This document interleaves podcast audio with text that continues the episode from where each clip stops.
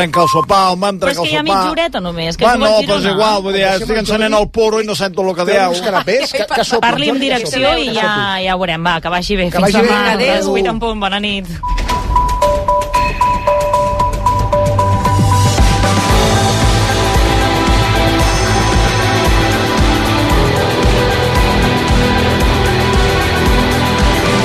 A RAC1 no ho sé, amb Anna Ballonesa.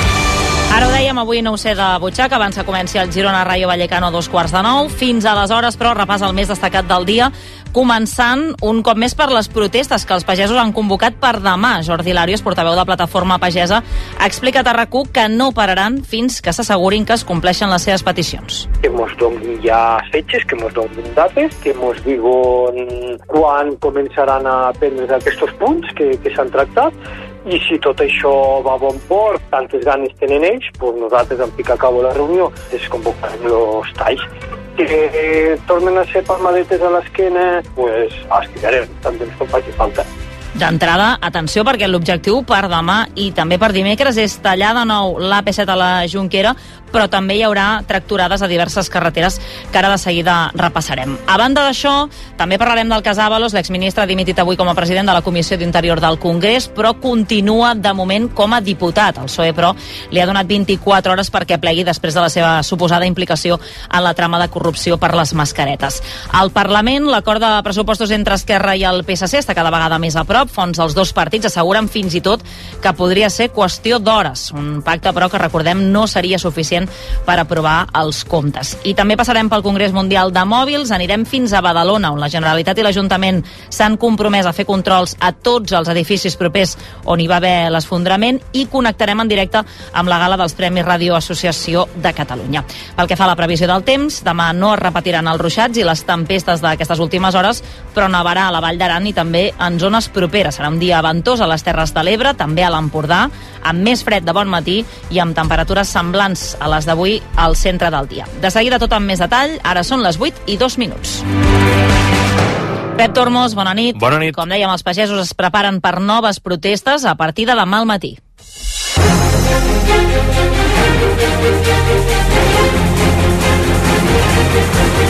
per tant, a les portes d'una mobilització que preveu afectacions un cop més a les carreteres, sobretot a la frontera amb França. Els pagesos que es proposen tallar l'AP7 a la Junquera durant dos dies. A banda, però, també s'han convocat tracturades a diverses vies del país. A Lleida, a l'AP2 i a l'A2, a Soses i a Tàrrega, a partir de les 8 del matí. A més, als passos fronterers del Pirineu, els agricultors catalans s'hi uniran als francesos. Al Berguedà hi haurà protestes a les 9 del matí en direcció al túnel del Cadí, que arribaran fins a la concentració que hi ha prevista a les 10 a Puigcerdà.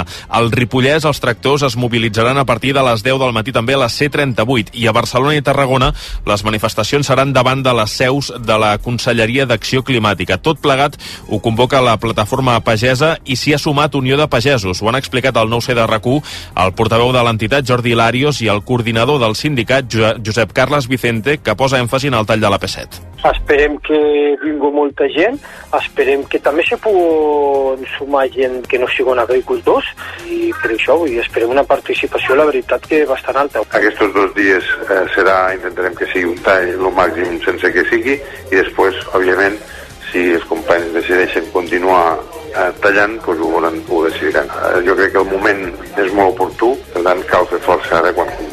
Demà tenen previst reunir-se amb el conseller Mascort. Si no hi ha acord, amenacen amb una vaga general que seria l'1 de març. Protesten pels acords europeus amb tercers països, asseguren que és competència deslleial. Doncs justament avui els ministres d'Agricultura dels 27 països europeus s'han reunit a Brussel·les i s'han compromès a estudiar les demandes dels pagesos que s'han manifestat a les portes de les institucions comunitàries amb 900 tractors. Alguns estats, com Bèlgica, ja han demanat anar més enllà de les rebaixes de les exigències mediambientals. Per tant, demà, com dèiem, també dimecres, que estarem una vegada més pendent d'aquestes mobilitzacions convocades pels pagesos.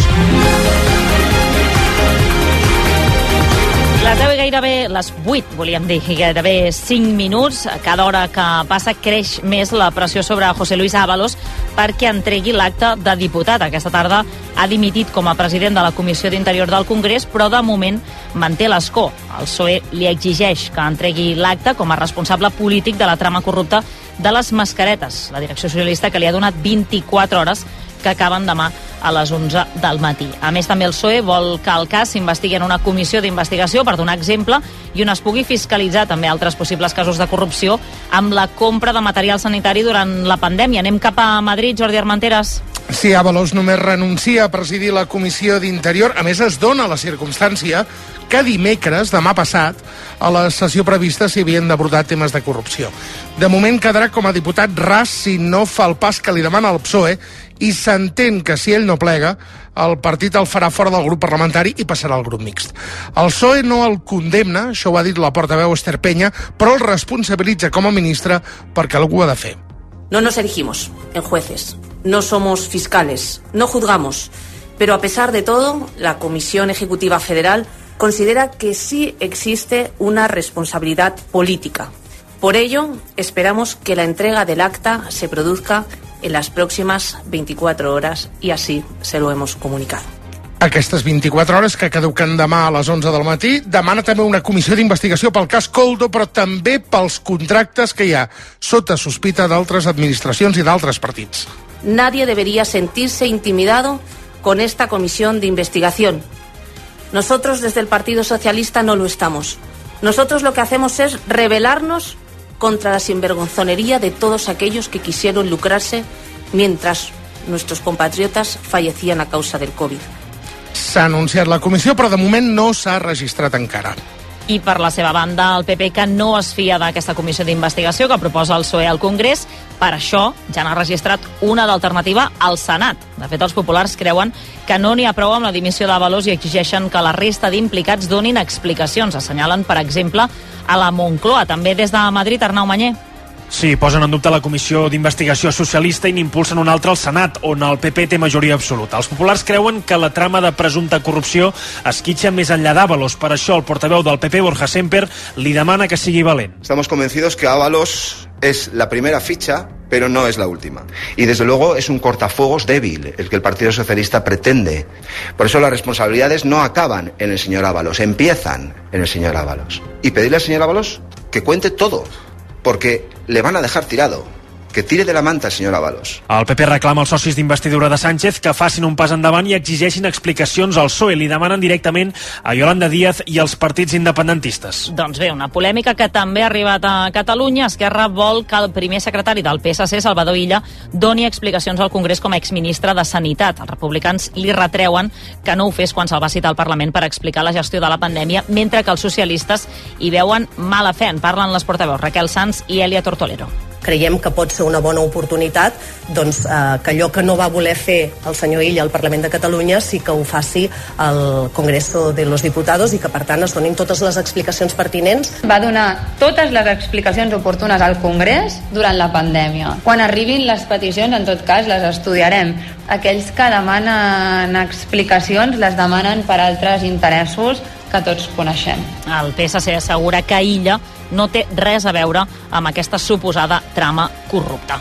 Discrepàncies, per tant, entre el PSC i Esquerra per una banda, però per l'altra el govern i els socialistes tenen a tocar l'acord pels pressupostos. Fa unes setmanes que les dues parts negocien un pacte pels comptes d'aquest any i, segons expliquen els dos partits, és cosa d'hora, sigui com sigui. Pere Aragonès, que no en tindrà prou encara amb el suport dels socialistes i necessitarà negociar amb un altre partit més. Adrià Santasusagna. Govern i PSC han estat parlant sobre com acabar de complir els acords dels que van arribar l'any passat i també han estat negociant les noves partides dels pressupostos d'aquest 2024. L'acord sembla imminent, tal i com ja han apuntat les portaveus d'Esquerra i PSC, Raquel Sanz i Elia Tortolero. Aquesta hauria de ser la setmana del pressupost de la Generalitat. Creiem que després de mesos de negociacions al voltant del pressupost, aquesta setmana hauria de servir per poder ja avançar en aquest acord pressupostari. El PSC dona per complertes les condicions que vam acordar amb el pressupost del 2023. Ja podem parlar, doncs, de negociacions avançades pel pressupost del 2024. Amb l'acord entre el govern i el PSC, des de Palau hauran de buscar el suport dels comuns. El partit ja ha deixat clar que o renuncia al Hard Rock o no aprovaran els pressupostos. I, en canvi, on de moment tampoc es posen d'acord la Generalitat i el govern espanyol és en l'aplicació de la llei de l'habitatge. El govern espanyol defensa ara que hi hagi un topall màxim de preu a tot l'Estat i Catalunya, per tant, entraria dins d'aquests mateixos barems. La consellera de Territori, Esther Capella, s'acaba de reunir a Madrid amb la ministra d'Habitatge i ha confirmat que, de moment, tot s'encalla. Hem de treure l'habitatge de la lògica del mercat i hem de fer que el preu de l'habitatge baixi. Malauradament, el Ministeri no ho veu igual que nosaltres, per tant, doncs, eh, no ha volgut treballar en un sistema d'índex que incorpori l'índex català i el que ha fet és crear un índex homogeni per tot l'Estat. Per tant, a criteri del Departament de Territori, això farà que els preus no baixin. Capella defensa que ja es va establir un topall a Catalunya que va funcionar fins que el Constitucional va anul·lar la llei. Ara s'endarrereix tot, però la publicació d'aquest topall estatal es farà al llarg d'aquesta setmana. Les 8 i gairebé 11 minuts, més de 200 entitats i personalitats clamen en contra de les acusacions de terrorisme contra Tsunami Democràtic. Sota el paraigua d'Òmnium Cultural s'han reunit noms com, per exemple, Andreu Buenafuente, Oleguer Preses i també Jordi Basté. Milers de persones van sortir legítimament i democràticament al carrer per expressar el seu rebuig a una sentència que condemnava els líders polítics i socials a un empresonament injust contra el qual també s'havien pronunciat... Ha estat en un acte que s'ha fet a la plaça del Rei de Barcelona i que també ha seguit l'Adrià Santa Susagna. La fotografia ha estat molt diversa i transversal reunint entitats com els sindicats, l'Auditori, el Cruïlla, Mantés o el Sindicat de Llogateres. Tots sota un mateix crit, protestar no és terrorisme. Creuen que la justícia ha anat massa enllà, acusant de terrorisme les mobilitzacions en contra de la sentència.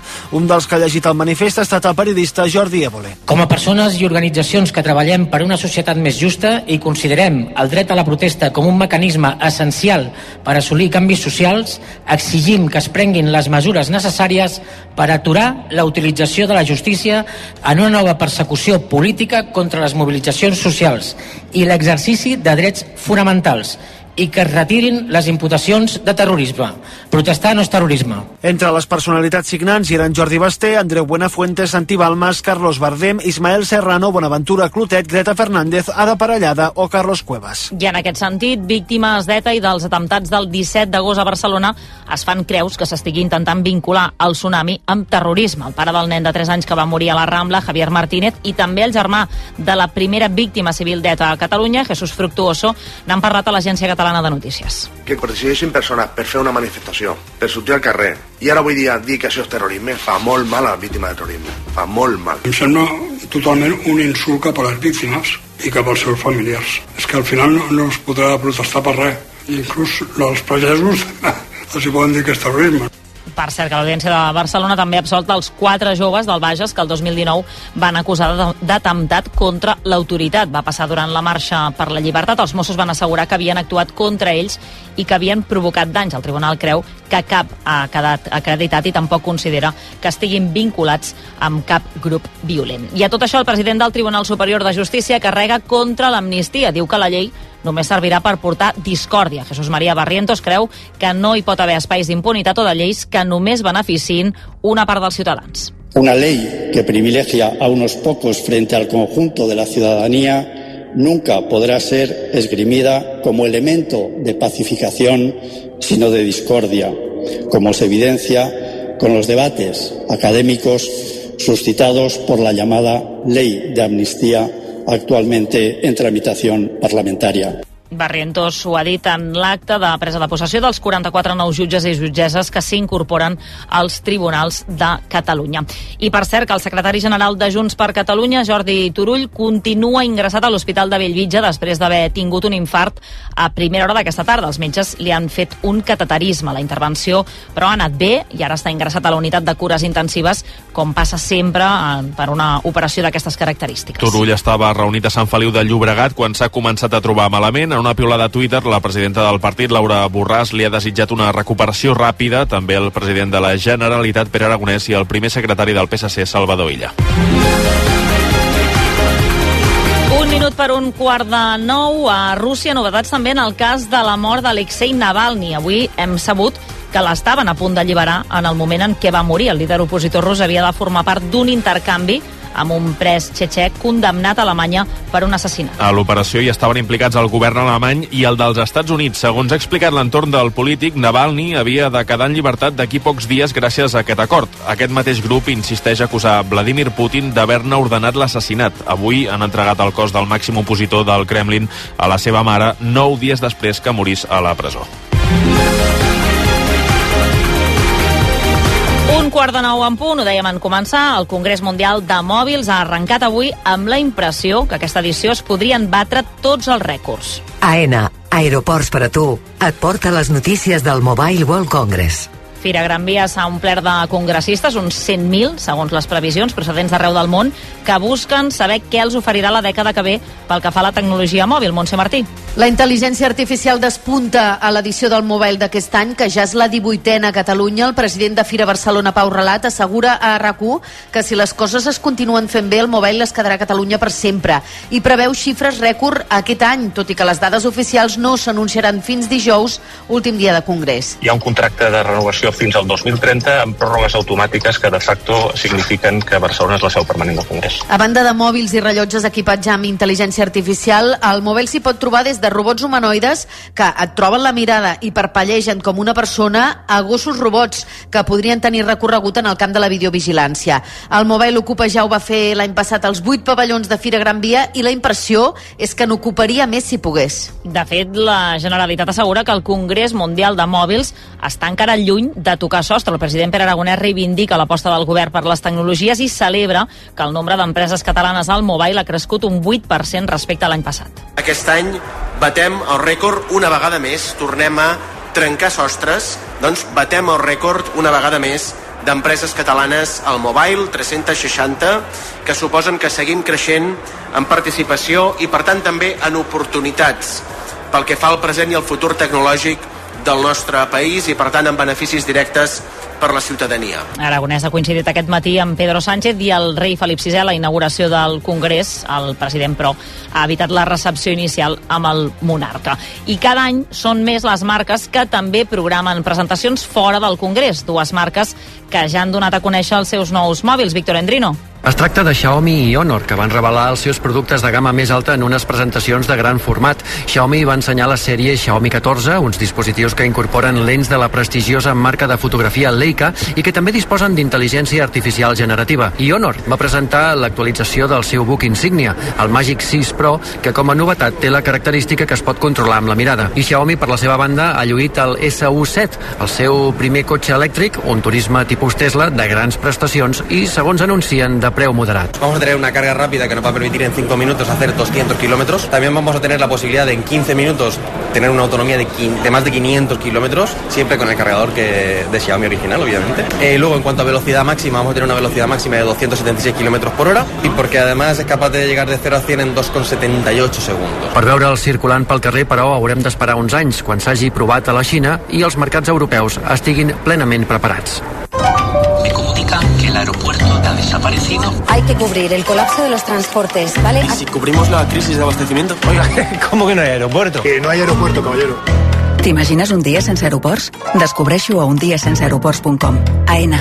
Aeroports para tu. Gobierno de España, Ministerio de Transportes y Movilidad Sostenible.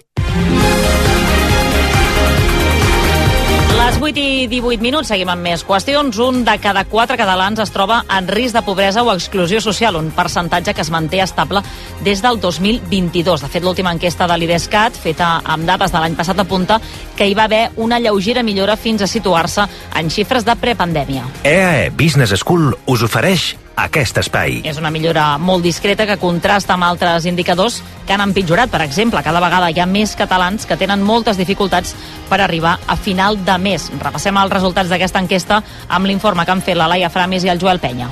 Un de cada 10 catalans ha de fer mans i mànigues per arribar a final de mes. Segons l'enquesta, cada vegada hi ha més persones que tenen moltes dificultats per administrar els diners entre nòmina i nòmina. De fet, més d'una tercera part de la població diu que no pot assumir despeses inesperades. Molts catalans directament no poden estalviar. Ho indiquen xifres com el fet que 3 de cada 10 catalans no es poden permetre marxar de vacances almenys una setmana a l'any. Prop d'un de cada 20 catalans tampoc es poden permetre tenir cotxe o un ordinador personal. I també hi ha casos en què els catalans no arriben a cobrir necessitats bàsiques. Un de cada 5 catalans no pot mantenir a casa seva a la temperatura adequada. L'enquesta també apunta a un empitjorament en l'alimentació. Un 5% dels catalans no es pot permetre menjar carn, pollastre o peix almenys un cop cada dos dies. Si et vols canviar un aprenentatge immersiu, millorar la teva competitivitat de cara al mercat laboral o canviar una experiència acadèmica que prioritzi la part pràctica, Work to Change. Entra a eaebarcelona.com i comença el canvi amb els nostres màsters i MBAs. EAE Business School. We make it happen.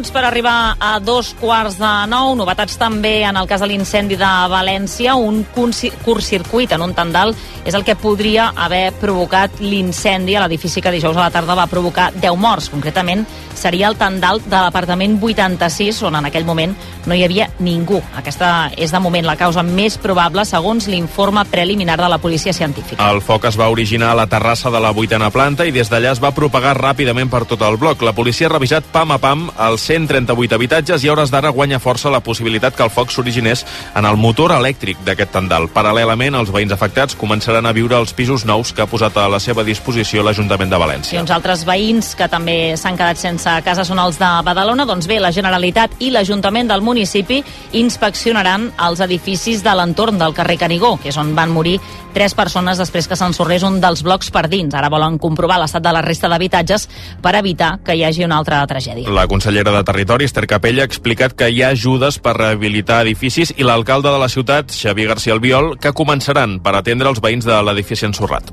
Tenim un parc d'immobles envellit i en aquesta línia ens hem trobat amb sorpreses. Comunitats de propietaris que no han volgut accedir a aquest tipus d'ajut. Ja comencem a afrontar és els veïns de l'edifici número 9, que fins ara se'ls estava atenent a aquells que feia falta. Per la seva banda, els veïns dels blocs afectats consideren que l'administració fa tard a l'hora de trobar solucions, sobretot pels desallotjats. Les 8 i gairebé 22 minuts, Unió de Pagesos demana a l'Agència Catalana de l'Aigua que retiri la concessió d'aigua a l'empresa ICL, que és qui gestiona les mines de potassa de Súria i Sallent, al Bages. Actualment, aquesta empresa minera té una autorització per captar fins al 80% de l'aigua que surt cada dia de la depuradora de Manresa, i això equival a 10 piscines olímpiques. Marc Poyato. Es tracta d'una concessió que ve de l'any 2021, quan el context era ben diferent. Una aigua que Iberpotage utilitza per a la producció de potassa i sal i que ha d'arribar fins a Súria, a la mina, a través d'una canonada que encara no s'ha construït. Ara, amb la situació actual, Unió de Pagesos considera que aquesta concessió és un autèntic despropòsit. En parla el portaveu al Bages, Josep Bové. No estem en contra de l'activitat minera, ni molt menys. És una activitat que hi ha de ser. El que sí que reclamem és que aquest recurs que volen malgastar, perquè és malgastar el transformar-lo en, en salmorra, pot servir per molts altres usos, pels que siguin. Unió de Pagesos fa anys que denuncia les conseqüències que té l'activitat minera d'ICL pel medi ambient, sobretot pel que fa a la salinització dels pous d'aigua, que afecta directament l'activitat al camp.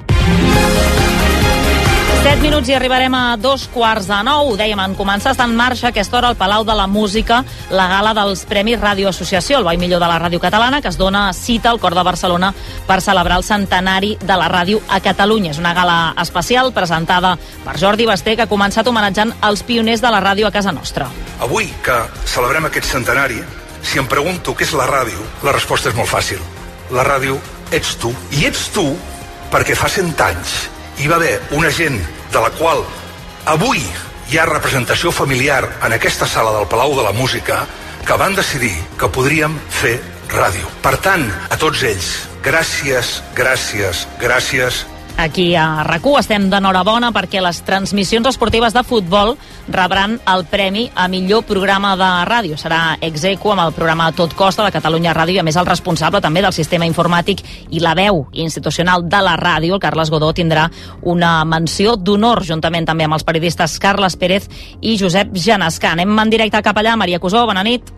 Bona nit. De fet, Carles Godó ha estat un dels primers premiats de la nit que ha pujat a l'escenari. Carles Cuní li ha entregat el premi i l'ha dedicat a l'excap tècnic de RAC1, David Marca, mort fa un parell d'anys. Aquesta menció la vull compartir amb la primera persona que hauria trucat quan em van comunicar que rebria aquesta menció i que segur que estaria orgullós de mi i m'hauria dit alguna cosa com que són bojos d'aquesta radioassociació, què passa, que no coneixen a ningú més o què que t'han de donar tu? Però no el vaig poder trucar perquè una puta malaltia se'l van dur el juny de 2023. Va ser cap tècnic de rac i RAC 105 durant 15 anys i tot i que sé que el molestaria, crec que avui és el moment idoni de demanar-vos un merescut aplaudiment pel meu amic David Marca.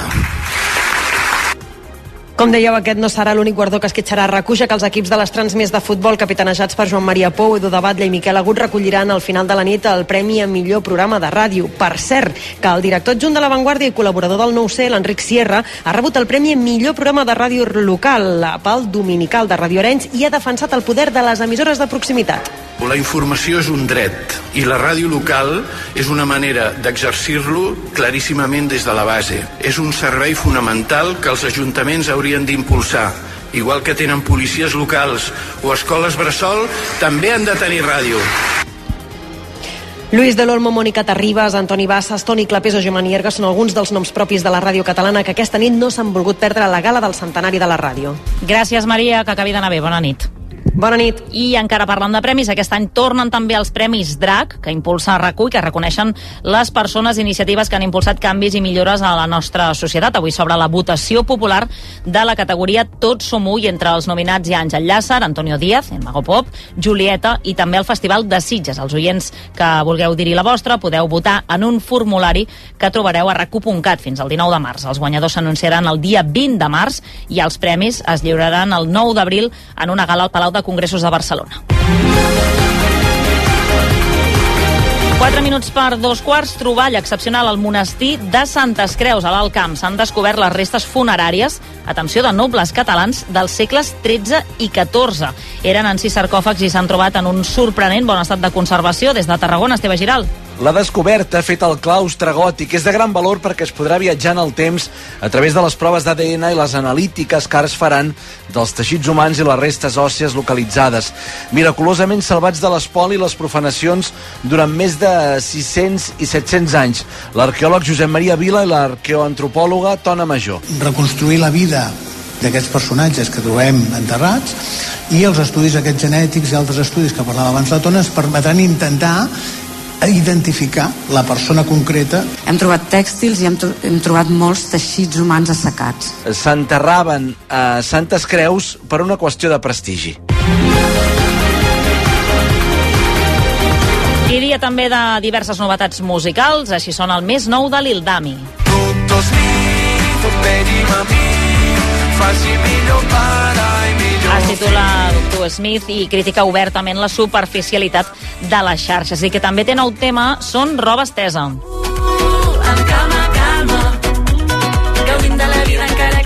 Titula així, amb calma, i és una col·laboració amb Antònia Font. La cançó és l'últim avançament del proper disc de roba estesa que surt dijous. També en música, Muixca, I si coges y te vas, el 31 fam, Ara ballar sola, la festa retumba, baby en públic, però és un desacato dos noms que s'afegeixen al cartell del Festival Terra Mar de Sitges i actuaran el dissabte 3 d'agost. Les entrades es posen a la venda demà a les 10 del matí.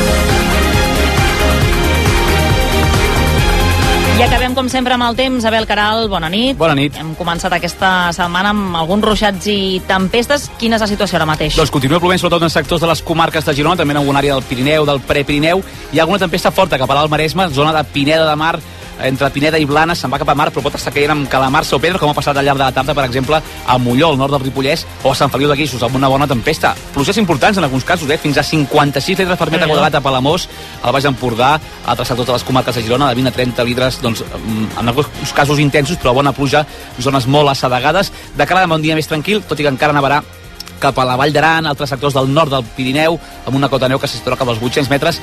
Farà vent cap a les Terres de l'Ebre i també a l'Empordà, més fred de bon matí. Doncs estarem pendents. Gràcies, Abel. Bona nit. Bona nit. Nosaltres ho deixem aquí, ara s'hi posen els del Girona a jugar a rac i tornarem demà a l'horari habitual. Que vagi bé, bona nit. RAC 1. Plutó! Para d'esperar que trobem un altre planeta. Instal·lem i financem i fins i tot paguem l'instal·lació fotovoltaica de la teva comunitat, unifamiliar o empresa. Suma't a l'autoconsum. Per fi hi ha un altre llum. Factor Energia. Empresa col·laboradora amb l'esdeveniment Barcelona Question Challenge. RAC1 presenta la tercera edició dels Premis DRAC. Els guardons que reconeixen aquells que han fet millor la nostra societat en l'últim any. Es premiaran iniciatives, idees, projectes i persones en diferents categories, com... Trajectòria, revelació de l'any, veu de l'any... I l'audiència decidirà qui s'endú el premi en la categoria Tots som u. Els candidats són... Julieta, Àngel Llàcer, Anna Schlegel, el Festival de Cinema de Sitges, Antonio Díaz, El Mago Pop i Laura Pedro. Entreu a racu.cat, voteu i optareu a guanyar una tauleta electrònica. Torna al DRAC. La tercera edició dels premis creats per RAC1. Tots som 1.